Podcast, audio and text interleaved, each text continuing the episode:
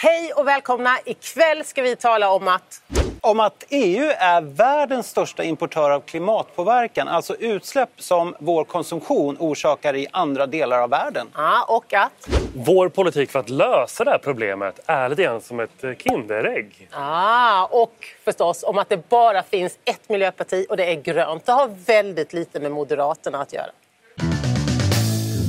Ja, EU importerar ju massvis med stål och plast och kemikalier och teknikprylar från resten av världen. Kina exempelvis. Och då är det ju som så att på den importen så betalas det ingenting för klimatpåverkan till skillnad från om någonting produceras här i Europa. Mm. Ja, och, och, det, det, och det här är så bra att du verkligen betonar det. För på pappret så kan det se ut att många av EU-länderna faktiskt har minskat sina utsläpp. Mm. Och att de är små. Att de är för små. Det är ju det statistiken ja, visar. Eller hur? Ja.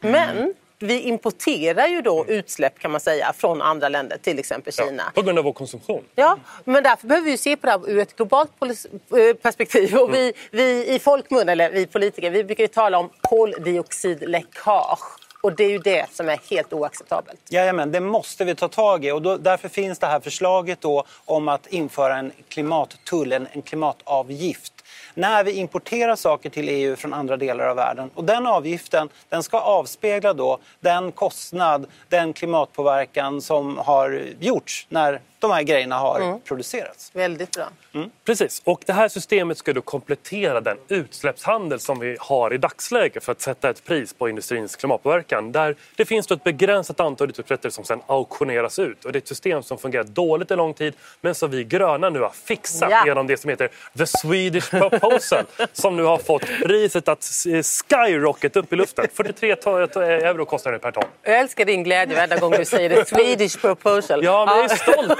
Det är vi, det är Sverige. Jag vet, jag vet, ja, det, är fantastiskt. Men det är ju så, och det är, det är därför det också blir så fantastiskt med dessa klimattullar. För de mm. skapar helt enkelt en rättvisare spelplan. Eller hur? Inga, inga, inga industrier och företag ska känna att de kan konkurrera med liksom, vår planet eh, mm. på spelbordet. Och fuska, nej. nej. Och av alla de här skälen, det är därför vi i Miljöpartiet och övriga i den gröna gruppen verkligen är för de här klimattullarna, avgifterna.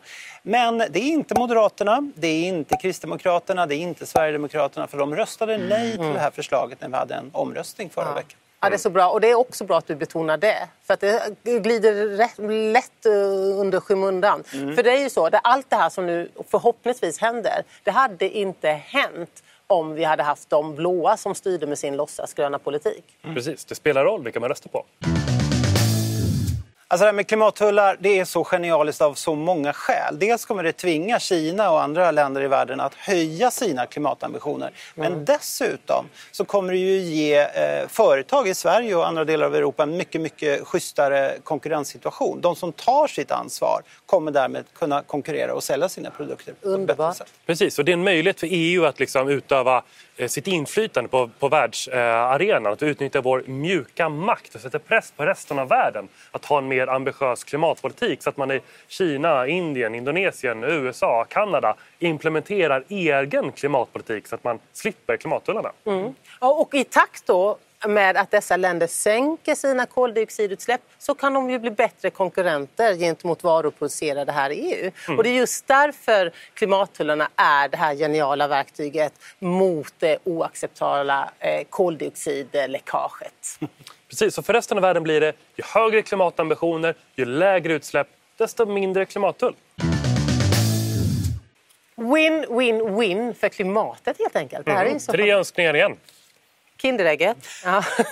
Vad fint. Det är jättefint. Det som däremot inte alls är fint är den politik som Moderaterna för på EU-nivå och att de kommer undan med det. Ja, det är jättemärkligt att de kommer undan med det här gång på gång på gång. Mm det var inte bara som så att de röstade nej till hela förslaget utan innan det så var de inne och pilla och peta på detaljer som gör att de delar av industrin i Sverige och EU som vill fortsätta fuska och komma undan lite grann importera de här skräpgrejerna med stor klimatpåverkan veckan till en låg kostnad. De ska kunna fortsätta göra det. Ja, att de vill Det är så uppenbart att eh, Moderaterna sitter i knän på den tunga industrins lobbyister som vill att det fortfarande ska vara billigt eller till och med gratis att släppa ut koldioxid. Mm. Och det var ju bara M, KD och SD som, som gjorde så här, Mm. som faktiskt röstade för att vi inte ska införa de här förändringarna. Ja, just det. De tre partier som gång på gång, så länge jag har brytt mig om klimatfrågan, hållit på att tjata om till exempel ja, men det spelar ingen roll vad utsläppen i Sverige för det är så små grejer.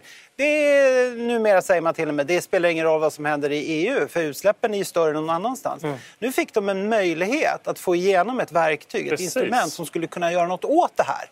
Nej, men då röstar de nej. Det intressanta är att Svenskt Näringsliv de är för de här klimattullarna och också svensk stålindustri de är också för klimattullarna. Och det är inte så konstigt eftersom de ligger så väldigt långt före till exempel kinesisk stålindustri. Mm, nej, nej. Men det här lyssnar ju inte den svenska högern på. Nej. Istället så gaddar de ihop sig med den europeiska högerextrema gruppen och arbetar mot planetens överlevnad. Alltså, Parisavtalets mål är tyvärr väldigt, väldigt långt borta i den verklighet vi befinner oss i just nu. Och EU måste såklart göra allt vad vi kan för att minska utsläppen här och nu. Men vi måste ju också göra precis det vi har pratat om nu idag. Påverka vad som sker i resten av världen. Ja. Ja, för även om EUs politik på klimatområdet är otillräcklig så är den ju ännu värre i USA, Kina eller Brasilien. Och då måste vi ha våra verktyg för att sätta press på dem. Ja, och det spelar roll vad man gör. Man kan inte bara snacka en massa. Och därför kommer Moderaternas så kallade miljöpolitik aldrig räcka till, eller hur? Exakt, och om man inte är färgblind då är det väldigt stor skillnad på blått och grönt. Ja. Exakt. Det här var allt från oss i Bryssel idag. Tack för att ni har kollat. Vi ses Glöm- om en vecka. Ja, och prenumerera! hej, hej! Hej.